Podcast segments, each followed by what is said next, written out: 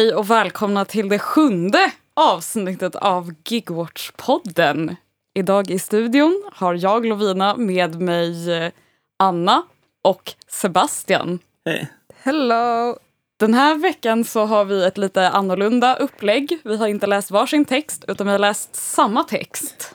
Och den eh, text som vi har läst är eh, en rapport från en organisation eller plattform eller företag som heter AppJobs.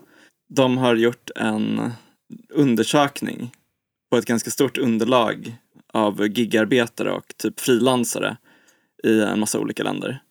AppJobs är typ, dels gör de sådana här grejer tydligen eh, och dels eh, som sin huvudgrej så är de väl någon slags typ arbetsförmedling för gigjobb. De lägger typ upp olika företagssidor och sen så kan gigjobbare eller vem som helst kanske eh, gå in och kanske skriva en kommentar eller ratea dem eller sådär. Eh, jag vet inte så mycket om det här eh, företaget utom att de bjöd in oss då till den här lanseringen av rapporten som var för då några månader sedan i juni tror jag. Ja, så för dig som inte fått nog av vanliga Arbetsförmedlingen finns det nu också en arbetsförmedling för gigjobb. Exakt. Vad heter rapporten? Eh, Den heter Future of Work Report.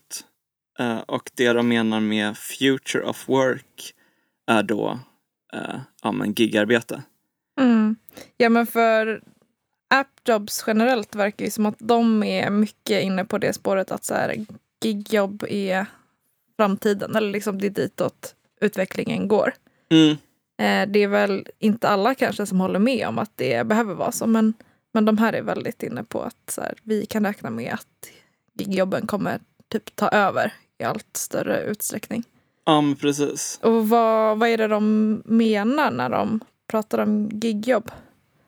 Ja, som jag får intrycket av rapporten så är det ganska brett va? Eh, Ja, alltså de hade något diagram som jag inte riktigt förstod. De hade liksom någon teori om basically att företag outsourcar sin arbetskraft bara. Så att konceptet är bara att de som arbetar för företaget inte är anställda utan att man tar in konsulter eller frilansare eller liksom gigarbetare. mm. Så även skulle det då inkludera kanske vissa bemanningsföretag och så. Mm, Eh, det är ju som vi säkert har nämnt i podden tidigare, lite typ, alltså det är svårt att definiera och avgränsa vad gigekonomin är. Mm. Ja, men jag tänker att det är väl ändå en av de kanske mer relevanta definitionerna av så här, vad, vad är ett gigarbete? Att, så här, att man eh, ser den här externaliseringen, alltså att, att man inte jobbar på företagen ut- utan att man jobbar åt företaget som så här, Mm. egenanställd eller konsult eller något sånt som den gemensamma faktorn eh, i gigifieringsprocessen. Kanske snarare än typ, åh, det är att man jobbar för en app eller typ att, så här, att man jobbar med eh, service eller något sånt. Utan Mm. att det det är att man går utanför den traditionella formen av anställningar. Ja men exakt. Det kan vara lätt när man kollar på de här apparna att typ tänka att det som definierar den här formen av ekonomi är just att det sker genom en app. Men i själva verket så kanske man kan snarare se typ apparna som någonting som gör vissa saker typ mer framträdande. Hur menar du? Nej men alltså att det som ligger till grunden för den här ekonomins framväxt kanske mera typ inskränkningar i arbetsrättslagstiftningen och den typen av saker medan apparna typ fungerar för att eh, kanske göra det mer smidigt för företagen att ha en massa egenanställda men liksom utan att man fick ha en massa egenanställda. Att de här apparna maskerar lite utav problematiken med det. Ja men precis. För att det, blir, det har ju varit väldigt mycket fokus på just eh, tekniken bakom och liksom apparna i sig och kanske inte lika mycket på hur anställningsformerna faktiskt ser ut och Mm. som ju faktiskt är det som definierar liksom gigarbete eller gigekonomi. Ja, eller så här, vad som är en anställning är ju också, det är ju en definitionsfråga typ, men praktiken så typ ett nolltimmars kontrakt där du är anställd blir ju typ samma som äh, så här, att jobba på uppdragsbasis. Mm, Liksom. Så att det finns ju också verkligen en, ett gränsland däremellan. precis. Men det som den här rapporten har gjort i alla fall, det är att de har tagit ett ganska så brett grepp på vad gigekonomin är. Mm. Eh, eller de kallar det typ både gigekonomin och the future of work. Eh, lite konstigt begrepp kanske. Eh, jag kommer inte använda det något mer. Men då inkluderar de väldigt många olika former av saker och inte bara typ folk som jobbar via en app. Eh, även typ folk som jobbar på internet och sånt. Alltså med att göra små uppdrag på nätet. Det som den här rapporten vill göra i alla fall är att man har försökt analysera olika trender inom gigekonomin och eh, den generella ekonomin internationellt i relation till coronapandemin och den typ kopplade ekonomiska krisen. Och eh, man är intresserad av hur det har påverkat arbetsmarknaden och hur det kommer påverka arbetsmarknaden i framtiden. Mm, och typ man vill enligt rapporten då identifiera de möjligheter och utmaningar som uppstår i skiftet mot nya arbetsformer. Det är typ det som är rapportens huvudgrej. Ja, och vi pratade lite innan om att vi vet ju inte riktigt vilka eller så här, varifrån AppJobs får sina pengar. Nej. Eh, och vi vet inte riktigt, eller jag vet i alla fall inte riktigt hur, ja, men så här, vad det är för underlag liksom, de har använt. Mm. Hur de har fått tag på den här statistiken. Så det lämnar vi öppet för spekulation. Ja, på båda punkterna. Ehm, men det verkar i alla fall vara en ganska uh, någorlunda etablerad organisation i alla fall. Det var ju ganska många intervjuer med typ forskare och andra personer i rapporten. Rapporten är ju generellt väldigt positiv inställd till eh, nya former av anställningar som de skulle uttrycka det. Mm. Och det kanske framgår redan i namnet att som i Future of Work, att det är en utveckling man vill se Mm. eller som de menar är oundviklig. Och att corona har ju dels typ orsakat den, alltså nästan en större ekonomisk kris än the Great Depression. Man väntar sig att arbetslösheten i USA kan gå liksom ända upp till typ, vad, vad fan stod det? Typ 30 procent, 30 procent mm. i år. Och det är ju mycket mer än vad det någonsin var under eh, den stora depressionen Mm. på 30-talet alltså. Och mångas arbetsliv har ju förändrats drastiskt av corona.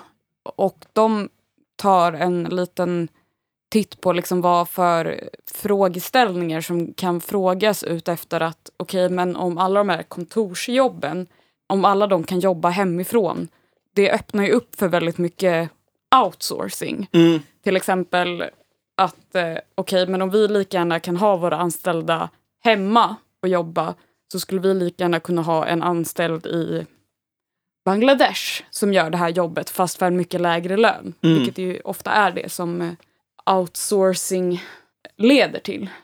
Ja, precis. Eh, ja, så jag tänkte på en grej i inledningen. För de, de försökte, apropå det här med så här, vad är gig-ekonomi, typ, de försöker ju pitcha att man ska kalla det Iron Man economy istället. Eh, med mot- motiveringen att så här, Iron Man är en superhjälte som så här, han har inga egna superkrafter utan så här, hans superkraft är hans dräkt. Typ. Och, och på samma sätt så är gigarbetarnas superkrafter att de har sina smartphones. Typ. Alltså lite reach där kan jag känna. Men, Mm. men jag tyckte att det var ändå delvis intressant typ, i relation till något de tar upp lite senare, vilket är typ att så här, men kostnaden för arbetsutrustning har sjunkit så pass mycket att nu, nu är det i många fler sammanhang som så här, den enskilda arbetaren liksom har råd att köpa sin egen utrustning. I relation till arbete så pratar man ju ibland om produktionsmedel eh, som ja, men, kanske i en klassisk bemärkelse symboliseras av en fabrik liksom, som är all utrustning som behövs för att kunna tillverka någonting. Och att så här, man pratar om ägande av produktionsmedel. den som äger produktionsmedlen har makten. Mm. Medan vi ju kan se i gigekonomin att ja, men jag vet inte, typ en taxichaufför som kör för Uber som äger både sin bil och sin smartphone ju faktiskt inte har särskilt mycket större makt eh, bara för det, utan kanske tvärtom har väldigt lite makt över sina arbetsförhållanden. Ja men verkligen. Och att, ja, men jag vet inte, de kopplar väl det till, till just en ja, men så här, reell förändring i att typ smartphones och annan arbetsutrustning som behövs för de här typerna av arbeten har blivit så pass billiga Mm. att så här, vem som helst kan äga dem. Och det där är väl också en sån grej som typ, alltså som används av företagen för att säga att de inte är en arbetsgivare. För att då säger de liksom, ja men det är inte vi som äger produktionsmedlen, eller så säger de kanske inte. de säger. eh, de säger bara, liksom, kolla vilka vi äger som- produktionsmedlen. Ja, precis. Men de säger liksom, ja men det är inte vi som äger eh, verktygen eller redskapen de använder. Så därför så kan de klassas som egenanställda eller frilansare eller entreprenörer eller whatever. Ja, det blir ju Ja. verkligen ett moment 22 för att det äger ju för företagen om de inte behöver betala typ för Mm. folks arbetsutrustning. Och sen kan de dessutom använda det för att så här, ja men kolla, därför behöver vi inte heller ha de anställda. Just för att vi inte vill peja deras utrustning. Ja men exakt. Det som de har gjort istället är ju att genom de här apparna eh, och genom den här tekniken liksom ta kontroll på ett nytt sätt över marknaden. Och liksom istället för att du typ lånar en bil och sen så tar de lite av det värde du genererar eh, när du kör runt i bilen och kör folk med taxi. Eh, så tar de eh, som en liten summa av det du tjänar som en typ betalning för att få komma in på marknaden och sälja dina tjänster som taxichaffis. Ja, de äger marknaden. Precis. Liksom. Men eh, håller vi med om, eller så, vad tycker vi om så här, Iron Man economy som begrepp? Är det rimligt? Typ? Eh, Eh, Det känns ju väldigt komiskt men jag tyckte den här just den här marknadsgrejen är ju väldigt central eftersom Uber till exempel just de köper upp hela marknaden vilket liksom också underminerar hela så här men då man kan ju inte säga att någon frilansar på en fri marknad för de frilansar ju på er marknad. Mm. mm. Där Eh. de bestämmer alla spelregler. Ja men Exakt. precis. Och speciellt Uber som exempel som verkligen har eh, väldigt aggressivt försökt liksom roffa åt sig marknadsandelar i transport eh, och chaufförstaxisektorn med ja, miljarder investeringar. Mm. Kostnaden för en Uberresa är ju bara finansierad av deras finansiärer så att ingen Mm. kan liksom stå emot dem för att de vill ha marknaden. Mm. Ja men verkligen. Ehm, nej men jag, alltså där Iron Man-grejen. Jag ser väl bara mobilen eller whatever som bara ett annat redskap som man använder i sitt jobb. Jag ser inte varför det skulle vara så annorlunda från en hammare. eller okej, det finns skitmånga skillnader. Men Eh, jag fattar inte riktigt vad de menade med den där grejen. Jag tror inte att man riktigt känner sig som en superhjälte om man jobbar som någon stressad taxichaffis typ. Det är kul för att de skriver ju typ i den här beskrivningen av sig själva att eh, de typ vill hjälpa folk att eh, hitta jobb och eh, göra vad de älskar. Så här står det i deras beskrivning. Our goal is to give you reviews and descriptions of these instant work apps to help you make quick money doing what you love. Men sen så såg jag en eh, liten undersökning i rapporten där de hade frågat folk som jobbade inom gigekonomin varför de gjorde det. Uh, och då tror jag att det var 60 procent som sa att det var antingen för att de var arbetslösa eller för att de behövde extra pengar på sidan. Och typ 1 till 2 procent någonstans som sa att de eh, tyckte om jobbet. Men de, Passionsprojekt. ja, de två procenten kan ändå hitta det de älskar ja men precis. i appjobs. Mm. Men jag tycker att det är lite så här, i relation till den här rapporten och eh, till AppJobs tycker jag att det är lite märkligt att de typ skriver sådär på hemsidan. Eh, det är väl bara en formulering i och för sig, så inget man ska haka upp sig på. För jag tycker ändå att de har en viss kritik i rapporten mot gigekonomin. Mm. Alltså inte som att de kritiserar dens existens Men att de går in lite på det här spåret som man ofta kan se att typ, ja men det finns en liksom sund gigekonomi som vi kommer komma fram till. Uh, eller vad fick ni för intryck av liksom deras inställning till gigekonomin? Ja, nej, men de pratar ju liksom om det lite som ett paradigmskifte. Uh, vilket är liksom när någonting totalt förändras. Mm. Och man liksom äntrar en ny era av någonting. Mm. Eh, och för de pratar ju liksom så här, ah, nej men det var inte så himla härligt i fabrikerna på 1800-talet. Typ så här, arbetet var inte så härligt men genom utveckling så kom liksom så här åtta timmars arbetsdag och härliga grejer. Så att det blev bra. Det är Mm. väl liksom lite taken. Genom då paradigmskiftet från liksom det agrala eller jordbrukssamhället till ett industrisamhälle. Mm. Och nu argumenterar de för att det här är liksom ett eh, paradigmskifte från industrisamhället till eller industrijobbsamhället till digitala jobb Mm. samhället. Och jag tyckte det var en väldigt vansklig historiebeskrivning. Minst sagt att som att åtta timmars arbetsdag liksom bara hände för att alla satt runt bordet och pratade lite och att det inte var att folk typ dog och strejkade och liksom blodsutgjutelse. Mm. Alltså jag behöver liksom inte ens vara dramatisk och överdriva eh, Mm. för att få de rättigheterna.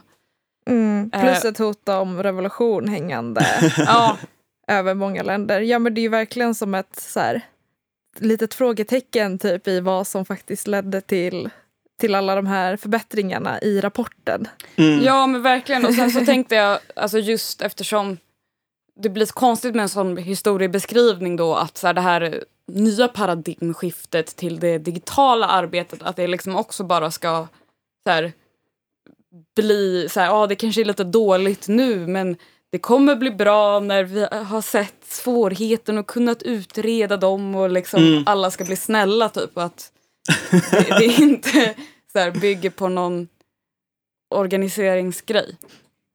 Ja, men så här, jag kan ändå känna att på, på någon punkt så kan jag hålla med eh, AppJobs i delar av ja, men så här, deras beskrivning av, Mm. av samhället. För att alltså så här, absolut, industrialiseringen var ju liksom en det var en jättestor förändring av samhället och liksom på något sätt en förändrad spelplan. Liksom, i så här, vad fanns det för klassrelationer? Vad fanns det för konfliktytor? Mm.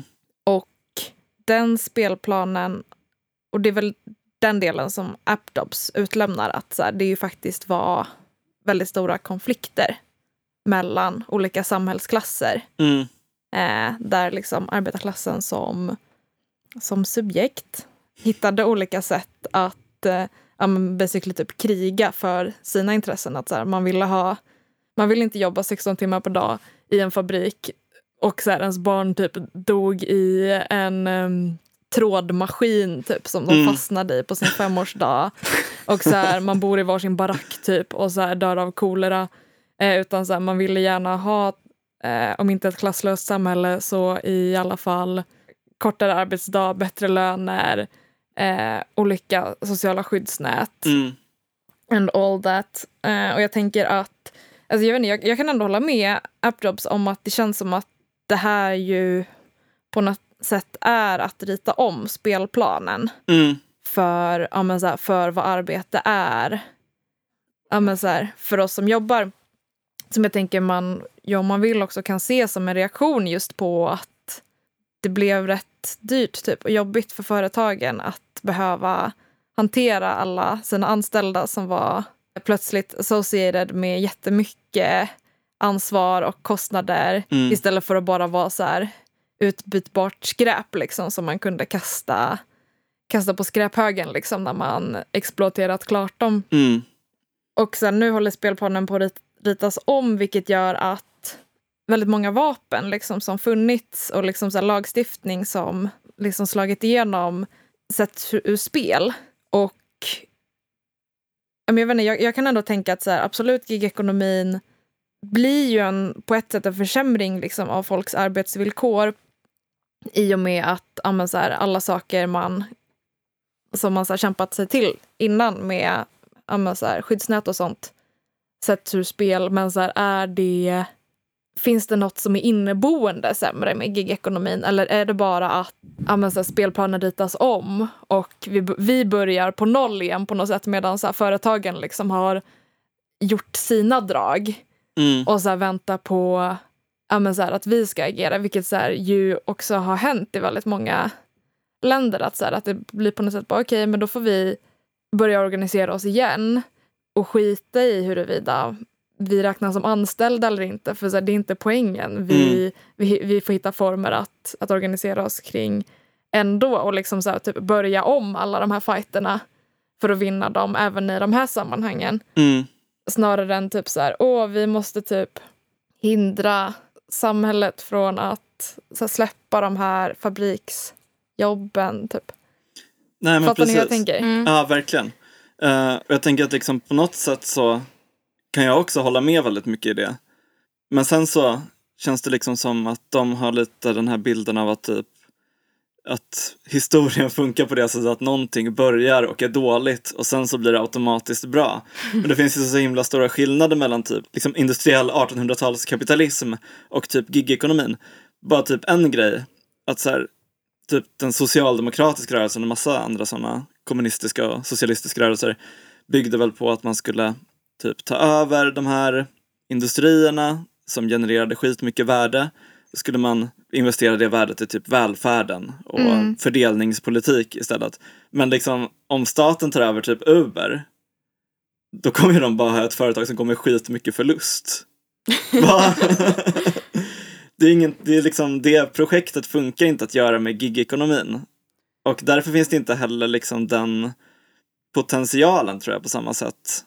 Och jag tror inte heller att man kan ha den liksom den här bilden av att det kommer lösa sig för att någon Nej. kommer vara snäll. Verkligen inte. Alltså, så här, tyvärr så är det ju verkligen så här, flera hundra miljoner människors slit och organisering liksom, som har tagit oss liksom, till det läget vi är i idag. Och det är ju tråkigt att bara shit, nu behöver vi kanske flera hundra miljoner människors slit igen typ Mm. för att ja, men, så här, försöka fighta, fighta den här situationen. Men jag tänker att det är väl också bra typ att inte vara naiv. Verkligen. Jag tycker två alltså, väldigt stora skillnader alltså, gentemot ja, situationen för eh, 50 eller 100 år sedan och nu är ju dels att de motsvarande fabriksägarna idag, eh, vilket i och för sig de kan fortfarande äga fabriker och så, men eh, företagsägarna, de eh, sitter på mycket, mycket mer resurser Mm. eftersom de har blivit så sjukt mycket rikare i och med att produktionstakten har ökat så extremt mycket. Och framförallt att vi har mycket mer globaliserade produktionskedjor. Att det är liksom, ja Sverige har inte skitmycket fabriker längre. Men det är ju för att vi har flyttat dem till andra Mm. länder. Mm. Att det liksom är folk i Kina och Bangladesh och liksom Indonesien som sitter och gör det fabriksarbetet istället. Och att ofta liksom, det är klart att det fanns en världsekonomi då också i allra högsta grad och man exporterade och importerade. Men vi har ju betydligt mer komplicerade logistikkedjor idag än då. Mm. Alltså typ att så här en iPhone har, jag vet inte, olika grejer från typ 50 olika företag och 30 olika länder eller? Ja, Ja. men precis. Alltså det jag tänker som möjligen skulle kunna förändra den utvecklingen åt det hållet, det är ju ja, så att den bygger ju på att eh, ja, så här, vi agerar som att vi hade ett eh, överflöd av resurser och så här, en oändlig mängd resurser. Att så här, vi kan transportera grejer över hela jorden Mm. eh, för att så här, bränsle är skitbilligt. Det finns väl inget dåligt med att släppa ut lite koldioxid. det finns ju inte någonting som vi skulle behöva sluta göra med det. Eh, om vi pratar om saker, spelplanen är förändrad, eller liksom kanske inte bara digitala jobb såklart, för att allt är ju inte digitalt, men att så här, världen kommer bli mer global. Det bygger ju på att man kommer fortsätta kunna transportera grejer över hela jorden Mm. och kunna använda billig teknik. Eh, för att vi har supermycket naturresurser liksom, som inte alls kommer ta slut. Eh, och jag tänker att när, när vi börjar märka av sådana grejer, alltså så att här, man kan inte använda mycket fossilbränslen som helst och typ så här, nu börjar olika naturresurser ta slut. Då tänker jag att spelplanen kanske kommer förändras igen. Mm. Men tills dess, alltså så här, så vad, vad finns det för möjligheter i det? Eh, å ena sidan, som du sa Sebastian, att eh, om det inte finns ett, ett företag som är så här, och nu kan staten ta över den här fabriken för Mm. att eh, ta det här värdet. Ja, men så här, då, då kan det ju vid en första anblick kanske verka svårt att se så här, okay, men hur skulle vi kunna ja, men så här, bygga ett annat samhälle kring det här. Men å andra sidan så, så här, många av de här företagen bygger ju som sagt på en så externalisering av ja, men så här, att det blir mindre enheter liksom som så här, agerar självständigt i relation till varandra. Och Mm. kanske så här, om man älskar marknaden typ så här, kan se som att de samarbetar med varandra. Mm. I ett annat samhälle hade inte det varit bra, typ att, så här, att man i allt högre grad liksom kan sprida ut arbetet och liksom så här, kunna organisera det självständigt via typ så här, plattformar, kanske snarare än att man har det jättecentraliserat eh, och någon som bestämmer allting. Mm. Men å andra sidan, för frågan är ju så här, är det en decentralisering som pågår? För jag tänker, du pratat lite, jag vet inte om du har sagt det i podden innan, men Mm. just det här med matleveransföretagen som på något sätt återuppfinner fabriken. Mm. Att, att de gör några så restaurangfabriker, att, så här, att det, de liksom går på något sätt full circle, att de så här, Åh, vi är en decen- decentraliserad plattform för restauranger att använda och sen bara nu Ja. avskaffar vi restaurangerna och gör ett stort industrikomplex istället. Du tänker på såna här eh, dark kitchens. som det, kall- det kallas även för cloud kitchens, men det tycker jag är sjukt missvisande. Ja. Ehm, Men alltså, Men är det det- här en grej?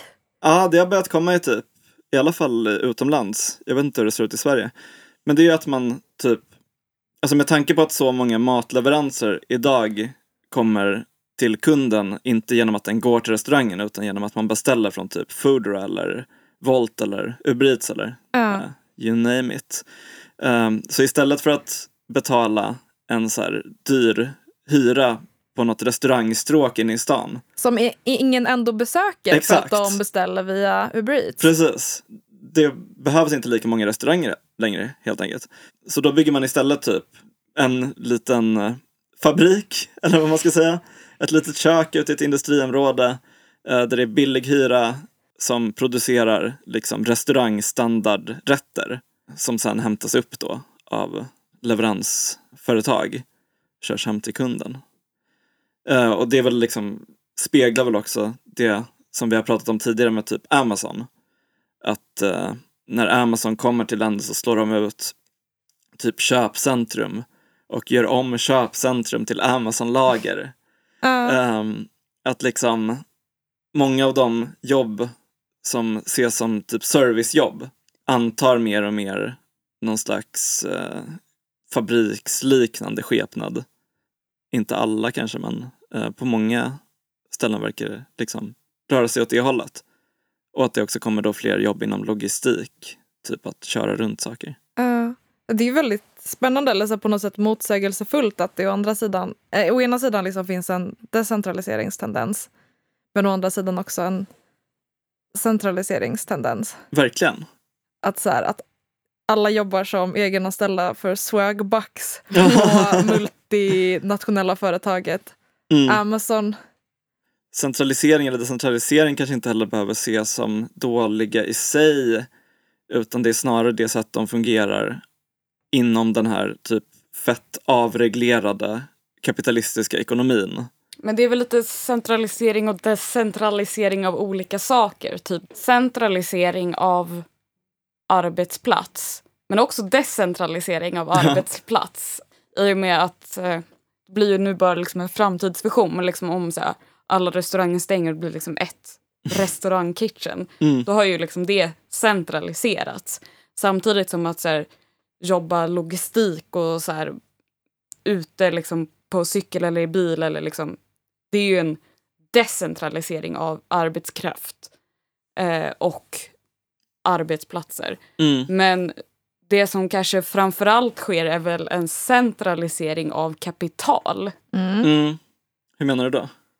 Eh, men alltså för att det är liksom om det då är Uber eller dylika företag som har hela marknaden och alla andra är liksom decentraliserade arbetare under dem. Mm. Så är det ju liksom istället för att det är olika taxibolag så är det ju liksom en centralisering av det kapitalet. Liksom. Du tänker på att de liksom får monopol? Typ företag som Amazon och Uber och så? Ja, precis. Alltså att det är färre högst upp i kedjan. Mm. Verkligen. Och sen kan man väl också se liksom, eh, det blir en skillnad på hur man som konsument kommer i kontakt med de här sakerna också. Mhm. Eh, Alltså, det är väl fullt möjligt att man skulle kunna beställa en, en hamburgare från ett sånt där eh, dark kitchen utan att veta att det var från ett dark kitchen. Eh, Man blir liksom lite mer bortkopplad från de platser där eh, de här sakerna händer. typ. Mm. Jag tänker som typ eh, om vi tar Möllan i Malmö. Mm. Eh, där var det ju, om det var i våras eller om det var förra året, eh, en ganska stor kampanj där folk bojkottade en massa olika barer. Just det, och det var typ tio stycken som visade sig ha samma Ja, ägare. exakt. Det där är riktigt sjukt. Eh, han eh, drev någon slags eh, imperium på Möllan liksom med lite olika barer och indiska restauranger och sånt. Där de hade slavarbetare. Ja, precis. De hade väl typ folk som jobbade nere i någon källare, alltså mot att få kanske gömmas från myndigheterna för att slippa utvisas. Mm. Riktigt hemskt. Men de, alltså den kampanjen med bojkotten lyckades väl faktiskt eh, i att få dem typ ur business, vad jag har förstått som. Nu kanske jag... Jag vet inte, vi får fråga Ja. malmöiterna. Mm. Det fanns det i alla fall liksom en möjlighet till att typ se de här ställena, veta vad det var för ställen eh, som kanske inte finns om man bara sitter och beställer via en app. Och liksom Mm. den enda kontakten man har är via den här appens interface och sen att man snabbt säger hej till någon, något stressat cykelbud. Liksom. Det blir väldigt svårt att på något sätt liksom, ha någon inblick i hur arbetsvillkoren och arbetsförhållandena ser ut på de här eh, fönsterlösa köken ute i något industriområde i Solna. Mm. Ja, det är väl också något som rapporten nämner att ett av de stora problemen som de identifierar med gigjobben är att det finns en väldig så här, asymmetri i information där företagen sitter på supermycket information om ja, så här, hur arbetet utförs och liksom hur olika algoritmer funkar. Mm. Eh, Medan den som arbetar eh, får tillgång till väldigt lite sånt vilket gör att de har väldigt liten makt över sitt eget arbete. De kan liksom i princip bara rätta sig efter det företaget säger för de har liksom inte tillgång till någon information som gör att de kan göra egna bedömningar av liksom Mm. hur man borde jobba eller vad man ska ta för beslut. Ja, och även typ i så här kommunikationen mellan olika delar av ett företag. Ja, men som man ser på de här appbaserade företagen. Att de ofta har kanske många som jobbar för dem, flera hundra, flera tusen, men kanske bara 10, 20, 30 anställda. Eh, de här anställda är de som jobbar som liksom utvecklare, Mm. eh, som programmerar appen och så. Och det blir också liksom, de är också folk som arbetar på företaget eh, som kanske på något sätt i en annan, ett företag som inte var uppbyggt kring en app kanske skulle ha lite kontakt med dem som jobbade nere på golvet så att säga. Eh, och kanske typ, även om de kanske inte skulle ha gemensamma intressen hela tiden, eh, skulle ändå kunna typ, ja, men ha lite kontakt med varandra. Men i den här app-ekonomin så blir det mer som att de sitter och gör en grej, programmerar en app som de som jobbar som bud och sånt är i kontakt med och de är i kontakt med appen genom att göra input i den. Liksom. Men de är aldrig i kontakt med varandra. Mm. Eh, och som vi har sett bland en massa svenska gigföretag så har de ofta till och med typ separata kontor för de som jobbar Mm. med själva appen och de som jobbar som bud. Och så det är liksom någonting som företagen själva medvetet vill förstärka. Just den här iso- isolationen men också uppdelningen mellan, mellan liksom olika sorters arbete. Typ Mm. så här, den här klassiska engelska blue collar, white collar Ja, uppdelningen. Typ vilka som jobbar på kontor och vilka som inte gör det. och det skulle ju vara liksom förödande för företagsledningen om typ de som har koll på hur appen fungerar, de som har gjort appen, Mm. skulle typ börja solidarisera sig med de som faktiskt använder appen och typ ge dem tillgång till information om hur den fungerar. Så alla kan börja maska Exakt. till exempel. Ja, Eller strejka. precis. Ja, det vore sjukt. What if? Synd bara, synd bara att ingenjörer är så jävla dåliga människor. Om någon är en ingenjör och vill, om någon är en programmerare på någon app där ute och vill göra rätt för sig så kan ni skriva till oss. om, om, om det är några ingenjörer som fortfarande lyssnar efter att vi nu är downtaket dem. Jag tänkte på en lite annan intressant grej i rapporten. Mm. Vi var ju inne på det lite förut. Eh, tekniska framsteg och automatisering. Mm. Vilket Ja. liksom eh, mycket av den här gigjobs-processen bygger på i form av apparna. Eftersom det har skett en sån enorm, alltså under de senaste hundra åren, eh, enorm liksom automatisering av arbete etc. Eh, och i rapporten så beskrivs en retorik av att så här, ja, men automatisering, att folk brukar säga så här, ja men och automatisering, då försvinner massa jobb och folk blir arbetslösa. Liksom. Och, eh, eh, rapporten bemöter det med att så här, ja, vissa jobb försvinner, men eh, den här automatiseringen skapar en massa jobb och här på den här fina kurvan så kan vi se att arbetslösheten inte följer liksom automatiseringen och eh, produktivitetsgraden. Mm. Eh, Ja, det, det, känns som att jag suckade ut lite och bara, men hur, den här frågan känns lite felställd. Någonting jag ofta känner när man pratar om arbete är att det liksom saknas det här, någon slags vision och någon slags samhällsekonomisk aspekt av att det är liksom okej, vi producerar hur mycket mer som helst och vi jobbar ändå inte mindre utan vi hittar på nya värdelösa Mm. grejer att gö- göra. Liksom. Mm. Vad är det vi jobbar för? Typ. Och att det, liksom, det finns ingen så här, ah, hur kan vi ha så här, ah, arbetskraftsbrist i vården typ men ah, alltså men åh, nu finns det en app för vårdarbetare. Alltså det är liksom Ja. Eh, och liksom för att återknyta lite till det vi pratade om innan, att jag tror att det liksom mer bygger på de här konflikterna eh, av arbetare och liksom företagen dem emellan än liksom den här arbetslösheten som skulle komma av automatisering. Hur menar du konflikter? Ja, men som till exempel att... Eh, för jag tänkte på en grej med att automatisering ju ändå leder till en nedsatt efterfrågan på mänskligt arbete. Mm.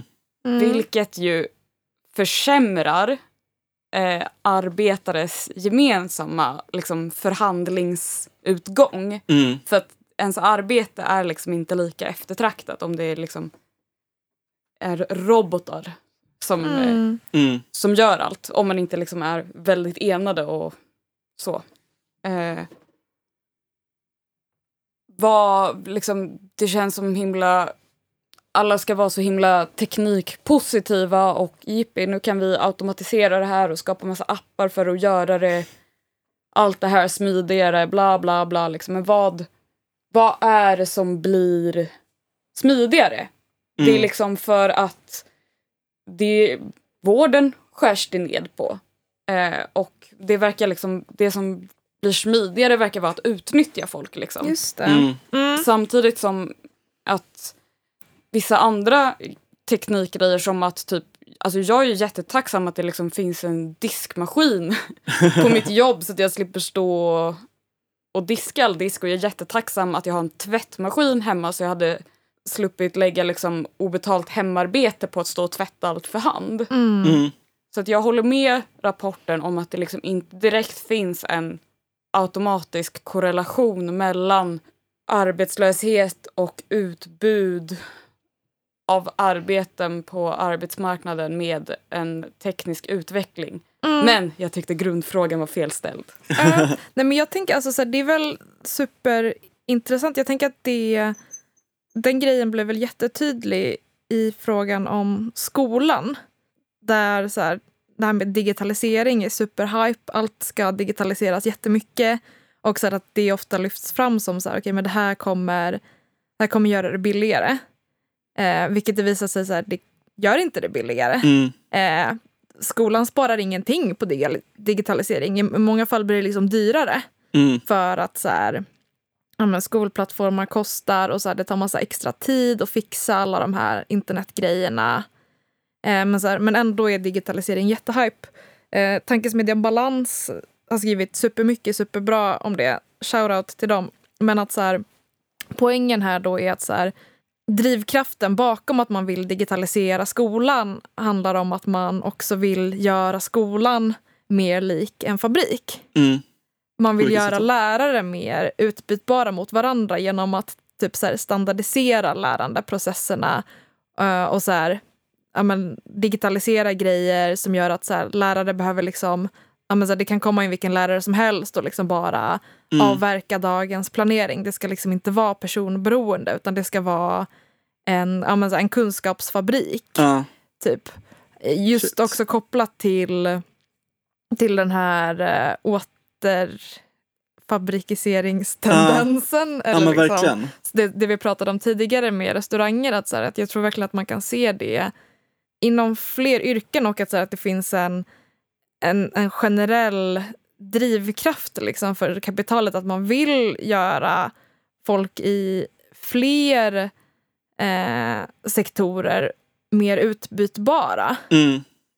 Och det där känns som att det har varit liksom en klassisk konflikt typ mellan så här arbetare och eh, fabriksledningar och kapitalister och så. Den här liksom kampen om kunskapen. Mm. Att typ det har ofta varit så historiskt att man har som arbetarkollektiv hållit ganska mycket vakt om den här kunskapen om hur arbetet fungerar för att bli mindre utbytbara. Eh, för man vill inte bli utbytbar. Då kan man bli av med jobbet mycket lättare. Det suger. Eh, men de som driver fabriken, de vill ju att alla ska vara jättelätta att byta ut så att de kan sparka folk om det blir kris utan att liksom förlora skitmycket kompetens som de behöver för att driva fabriken. Och det är ju verkligen jätteintressant att det också sprids till typ skolan och eh, andra delar av arbetsmarknaden. Ja, men jag tänker att, alltså nu är inte jag superinsatt i vården, men jag gissar att om man kollar på typ så här, all, alla de här konsulterna som ska hålla på och optimera vården för olika flöden, Mm, eh, som så här visar sig, det suger för sjukvården, alltså så här, allt blir värdelöst och det kostar jättemycket pengar, men så här, det kan ju mycket väl vara så att så här, det också egentligen syftar till att så här, göra sjukvården, som ju verkligen är ett sånt sammanhang där som är väldigt professionaliserat. Eller liksom så här, vårdarbetare behöver verkligen vara yr- yrkeskunniga och liksom jobbat länge på sin arbetsplats för att det ska funka bra. Att man liksom Mm. vill, vill försöka bryta upp det. Så att man till exempel ska kunna ta in externa operationslag mm, eh, som kan operera eh, när, när det är långa operationsköer istället för att anställa fler. Vore Ja. sjukt om, om det var en grej som hände precis just nu på Nya Karolinska samtidigt som man säger upp massa folk. Och så här, kan inte det också ses som en, en del i samma process? Jo men verkligen. Det blir verkligen ett sätt att bryta en viss makt som kanske finns hos arbetarna. Ja, verkligen. Men som, för att liksom återkomma till det jag sa, att det, är liksom, det försämrar ju ens förhandlingsläge och förhandlingspotential. Alltså Mm. man har ju inte lika mycket att komma med Mm. eh, vid ett förhandlingsbord om, det, om man är utbytbar. Mm. Mm. Samtidigt som, alltså så här, också om man kollar i ett annat samhälle, eller så här, just den här professionaliseringen av alltså så att man, man ska ha ett yrke och kunna en sak. Alltså det är väl också en sån grej som så här, egentligen ja, men så här, kritiserats ganska mycket typ, utifrån en så här, marxistisk idélära. Mm. Att så här, varför, varför ska vi bara göra en grej hela livet? Eh, Varför ska vissa bara lyfta sopor hela dagarna så att de pajar knäna på det medan andra bara ska sitta på kontoret hela livet och paja ryggen på det och armarna Mm. eh, istället för att typ laga lite mat på morgonen, passa barn på dagen, Mm. operera några cancersvulster på eftermiddagen. köra hem en pizza på, på kvällen som, som man skulle göra i det perfekta samhället. Typ, eller så, alltså, är det inte på ett sätt, om det inte vore ett sånt jävla sugigt samhälle, vore det Mm. inte egentligen ganska nice typ, att det inte var så himla, att man inte var så jävla låst typ, i sina yrkesroller och att det bara är så här, åh, du måste ha jobbat på den här arbetsplatsen i 50 år Mm. för, och så här, aldrig kunna få någon variation utan så här, bara jobba med samma sak typ, för att kunna göra ditt jobb bra. Ja. Nej men det är väl verkligen liksom också någonting man har sett typ i och med så här nyliberalismen och sånt. Att man verkligen har lyckats typ marknadsföra försämringar i arbetsrätt och typ minskad trygghet i samhället eh, som någon slags befrielse från det här liksom fabrikssamhället. Som nu håller på att återvända fast i servicesektorn. Ja men verkligen, alltså det är ju exakt det som alla de här gig-appar och dylika påfund pitchar in sig som. Att så här, och att det, det lyfter ju den här problemet med att så här, ah, oj det är typ tråkigt att jobba på samma skitjobb i 50 år typ. Mm. Eh, och att de liksom vill då locka med det att så här, oh, då ska du få jobba när du vill och som en så här skenlösning på det problemet. Att så här, vi har organiserat arbete i det här samhället väldigt dåligt. Ja. Eh, som du då säger att det är liksom då, då blir det så här, ah, vill du jobba för 50 olika appar istället? Eh, för att det är liksom, det är fortfarande samma kapitalskedja. Mm. Ja, men och på något sätt så blir det väl, alltså utifrån de lösningar som erbjuds i det här samhället, så blir det väl heller inte kanske egentligen att så här, åh, du är, men så här, du, du är en sån som har hundra bollar i luften och gör hundra grejer, utan istället kanske bara blir att så här, du behöver jobba för Uber 60 timmar i veckan Ja. för att få ihop till din lön, typ. För att så här, alltså, ja, du skulle kunna ha flera jobb, du skulle också kunna bara jobba mer på ett jobb eh, om pitchen för att ha flera jobb är att ja, men så här, du har inte råd att försörja dig på ett. Nej, precis. Det blir inte så jävla kul att göra alla de där grejerna med operationer och ta ut pizza. Om man- om man liksom- på, på morgonen. om ens barn svälter ihjäl om man inte gör det. Då försvinner lite av glädjen i det kanske. Vara appläkare på morgonen och sen är man app-taxichaufför och sen är man app-översättare och sen är man app-hundvakt. I don't know. App-gruvarbetare. Mm.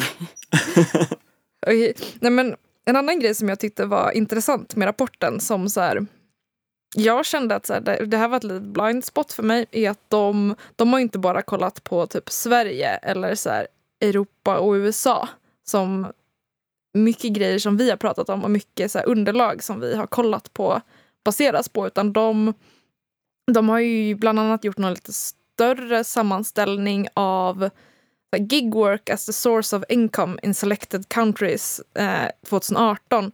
Och då har de kollat på Kina, Indien, Brasilien, USA, Indonesien eh, och sen ja, men, så lite olika europeiska länder. Mm. Och ja, men, nu kan inte ni i podden se det här diagrammet tyvärr. Eh, men det man kan se på diagrammet är att de länder där allra, allra flest gigarbetar som eh, sidoinkomst eller som huvudinkomst är ja, men Kina, Indien, Brasilien och Indonesien. Mm. Eh, I Kina så är det 45 procent eh, av de tillfrågade I guess, som antingen jobbar eh, bara med gigarbete eller delvis med gigarbete eh, i jämförelse med 4 procent i Sverige Mm. och eh, ja, men typ 13 procent i USA. Och Indien är också runt 40 procent och Indonesien är 27 procent. Mm. Typ. Och det tyckte jag var väldigt intressant för jag har ja, men jag har hört lite så här, men det finns gigföretag liksom, i typ Brasilien och eh, ja, men så här, Indien och sånt. Ehm, men det den här rapporten menar är ju att ja, men på något sätt kapitalets utveckling, för det här är ju också delvis många länder som är mitt i en urbaniseringsprocess, att folk kanske går från att här, ha arbetat inom jordbruk till att typ arbeta i, i städer. Mm. Eh, och att i många av de här länderna att eh, ja, men så utvecklingen liksom hoppar över det här steget med att folk har anställningar och går direkt till att så här, folk men så flyttar till stan och börjar gigjobba direkt. Mm. Gå direkt till fängelset utan att passera då. Ja, men det, det tyckte jag var intressant för det känns som att man inte hör så mycket om. Nej, Det verkligen tycker jag är inte. superintressant och att vi ska kolla in eh, mer. Mm. Ja, och jag ty- tänker också att det blir så här. Det blir väldigt lätt att tänka att typ gigekonomin är någonting som typ finns i västvärlden. Både som typ när man eh, sitter som vi och kollar upp saker på nätet. Då hamnar man väl liksom på saker som handlar om Sverige eller engelskspråkiga länder. Men också typ kanske folk som kritiserar att man kollar mycket, har mycket fokus på gigekonomin för att det liksom ignorerar det som händer ute i världen där det fortfarande är liksom en industrikapitalism. Så det här visar ju att det är någonting som finns på väldigt många olika ställen. Ja, och det finns ju kanske en bild som, som ofta hänger ihop med gigekonomin. Att det är så här, åh, det här är tjänster bara för jättemycket rika människor Mm. som, som är jätteprivilegierade typ i den vita västvärlden. Medan så här, jag vet inte, uppenbarligen så etablerar den sig supermycket även i länder med ja, så här, kanske en ganska liten medelklass eller Mm. så här, lägre löner generellt. Typ som Indo- Indonesien Mm. Eh, och Brasilien. Hoppas jag att vi To får be continued. Ja. info om. Nej men jag hade en grej jag ville säga också. Eh, Du pratade lite om automatisering tidigare Lovina. Yes. Eh, och eh, jag läste en artikel i The Guardian som publicerades för någon dag sedan när vi spelade in där. eh, av en författare som heter Aron Benanav. Eh, och han pratar om det här som händer, har hänt nu de senaste månaderna i USA. eh, där typ Uber och Lyftförare, Lyft är typ som Uber, eh, typ samma sak.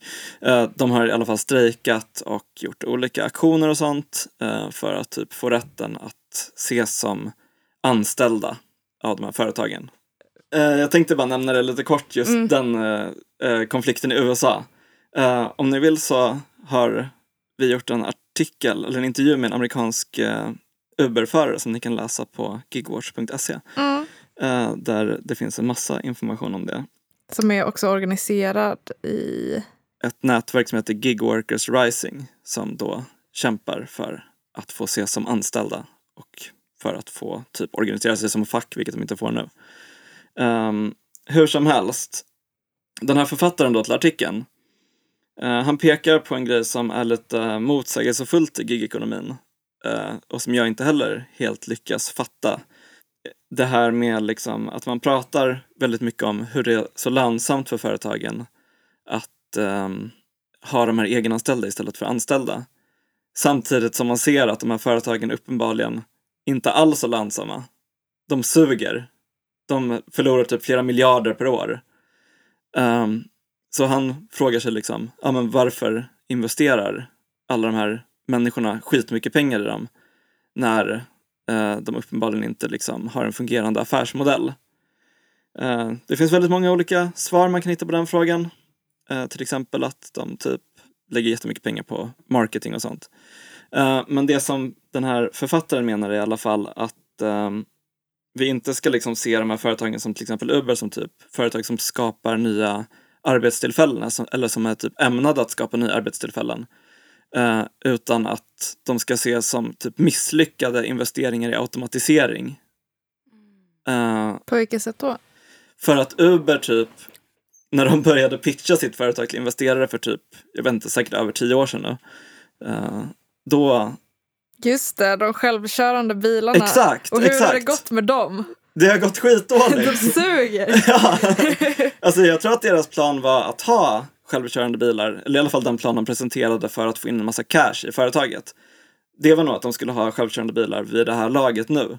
Ah. Men som det ser ut idag så är den teknologin typ extremt dålig. Det ja, den kör ligger... väl bara över massa folk? Ja, precis. Och typ man måste ha någon som sitter i bilen hela tiden som typ är beredd att ta över ratten. Så tänker jag att ni skulle åka taxi med typ en taxichaufför som är på att somna hela tiden och ni måste vara beredda för att ingripa och eh, rädda er själva från att dö. Kul. Ehm, Men det och- kan väl vara den som åkers uppgift? i bilen. Ja, ah, precis. Men det är ju, fort, det är ju fortfarande, då åker jag hellre med en vanlig taxi. det verkar ju fruktansvärt. Plus jag kan inte köra bil. Uh, och det kan väl uh, säkert många av dem som åker Uber inte heller. Nej, som de åker vi kan Uber. inte Uber heller. Nej. Men uh, ja, den här planen då från de här investerarnas håll, varför de har investerat så jävla mycket pengar. Typ Saudiarabien har gått in med 3,5 miljarder dollar eller något sånt där. Ett av alla, en av alla onda investerare. Um, anledningen till att de har gjort det är att de ville slå ut resten av taxibranschen Mm. för att få totalt monopol Mm. och sen så vill de sparka alla förare och ersätta dem med automatisk Ja. eh, styrning. Men ja, som sagt, problemet är att den här tekniken inte finns. Man kan inte sparka alla en och ersätta dem med ingenting. Nej, precis. så liksom, de måste ha kvar alla de anställda, de drar skitmycket pengar, eh, därför måste typ Uber hela tiden försämra villkoren bara för att bromsa liksom, den hastighet som de förlorar alla sina miljarders dollar. Ah. Men är det att de går till sådär investerare varje år och investerarna bara, men alltså hur går det med automatiseringen? Och de bara, ah, vi lovar, alltså det går skitbra, vi kommer Ja, ha det typ. inom två år. Ge oss bara lite, lite mer pengar. Vi, vi håller precis på att knäcka koden. Ja, ja men typ så. Och frågan är ju hur länge de kommer fortsätta rulla med det liksom. Men gäller det alla gigföretag eller är det unikt för Uber? För jag tänker att alltså alla företag är väl inte lika mycket automatiseringspotential? Alltså jag tror inte att typ de här Jepster de vill skapa barnrobotar. men, Alltså gud, vad fan. men jag vet att till exempel eh, eh, jag läste en bok för ett tag sedan som vi pratade om i ett tidigare poddavsnitt. Eh, som handlade om en kille som körde ut pizzor och sånt för ett företag som heter Deliveroo i England. Som är så foodra. Typ. Ja, exakt. Typ exakt som Foodora. Um, och de hade också pitchat till investerare att de skulle typ bygga någon liten robot som åkte runt och levererade det. mat. Men det är väl det Amazon också har snackat om? Att de Alltså ska jag tänker så att här, Ja. alla företag som liksom bygger sin affärsidé på liksom datainsamling och övervakning är ju för att den här datan och uppgifterna liksom har ett värde i sig som liksom kan ackumuleras när tekniken Mm, finns. Och man kan sparka alla arbetare. ja, men verkligen. Ehm, men sen så tar den här artikeln också analysen typ ett till steg längre ja. och bara frågar varför gör de här investerarna en så typ osäker och ganska dum satsning? Eh, och det han menar då är att det är på grund av att det inte finns någonting annat att investera i. De typ De har ser... för mycket pengar. Ah, alltså de har... Ja, det är alltså bokstavligen det som är problemet. De har för mycket pengar. Om det bara fanns en lösning. Nej men de har för mycket pengar och typ det finns inga saker att investera i som ger bra avkastning på de pengarna. Det är inte som att man liksom idag kan på samma sätt starta en fabrik. Profitkvoten är för låg. Ja, ah, exakt. För att typ tillverkningsindustrin är så automatiserad så att den inte alls genererar lika mycket värde längre. Eh, vilket man kan väl se har Jävlar. gjort skitstora konsekvenser för till exempel så här, hur socialdemokratin fungerar i Ja. västvärlden och sånt. Fan vad cursed. De Ja. har bara för mycket pengar. De vet inte. Det är, Uber är så det, näst, det minst sämsta de kan kasta sina Ja. pengar på. Exakt. Och för att upprätthålla ondskan. Mm. Och eh, ja, men det leder då till att de satsar på det här jätteosäkra kortet för att de har ingenting bättre att göra med alla extrema mängder pengar de har. Sjukt. Eh, och jag tänker att det som det visar är liksom att gigekonomin är inte bara en produkt av den här nya teknologin utan det är faktiskt produkten av en kapitalism som typ befinner sig i någon form av långvarig kris. Igen. Det tyckte jag var jätteintressant att läsa. Ja, faktiskt. jävlar. Den, den har jag inte hört förut. Spännande teori. Ja. Det kanske är därför de ger pengar till AppJobs också. Ja, precis. Om de gör det. Vem vet? Nej, men med det tyckte jag var en väldigt intressant eh, sluttanke som får summera dagens avsnitt. Ja. ja. vi ska också göra lite reklam. Vilka är det vi vill göra reklam för? Jo, eh, Allt åt alla Göteborg håller på med en undersökning eh, hur arbetare har påverkats eh, av corona. Eh, och den kan man hitta på deras hemsida och vi kan länka den i kommentarerna på våra sociala medier. Ja, så om du jobbar så gör gärna den. Så kan de också göra en rapport som vi kan prata om i podden. Eller vad de nu ska göra med De ju bland annat samla in information om just gigarbetare. som en av de yrkeskategorierna Ja. formuläret där. Mm. Så vi är också intresserade av att kolla vad de kommer fram till där. ja. Ja. Tack för att ni har lyssnat. På återhörande. Tack! Hej då!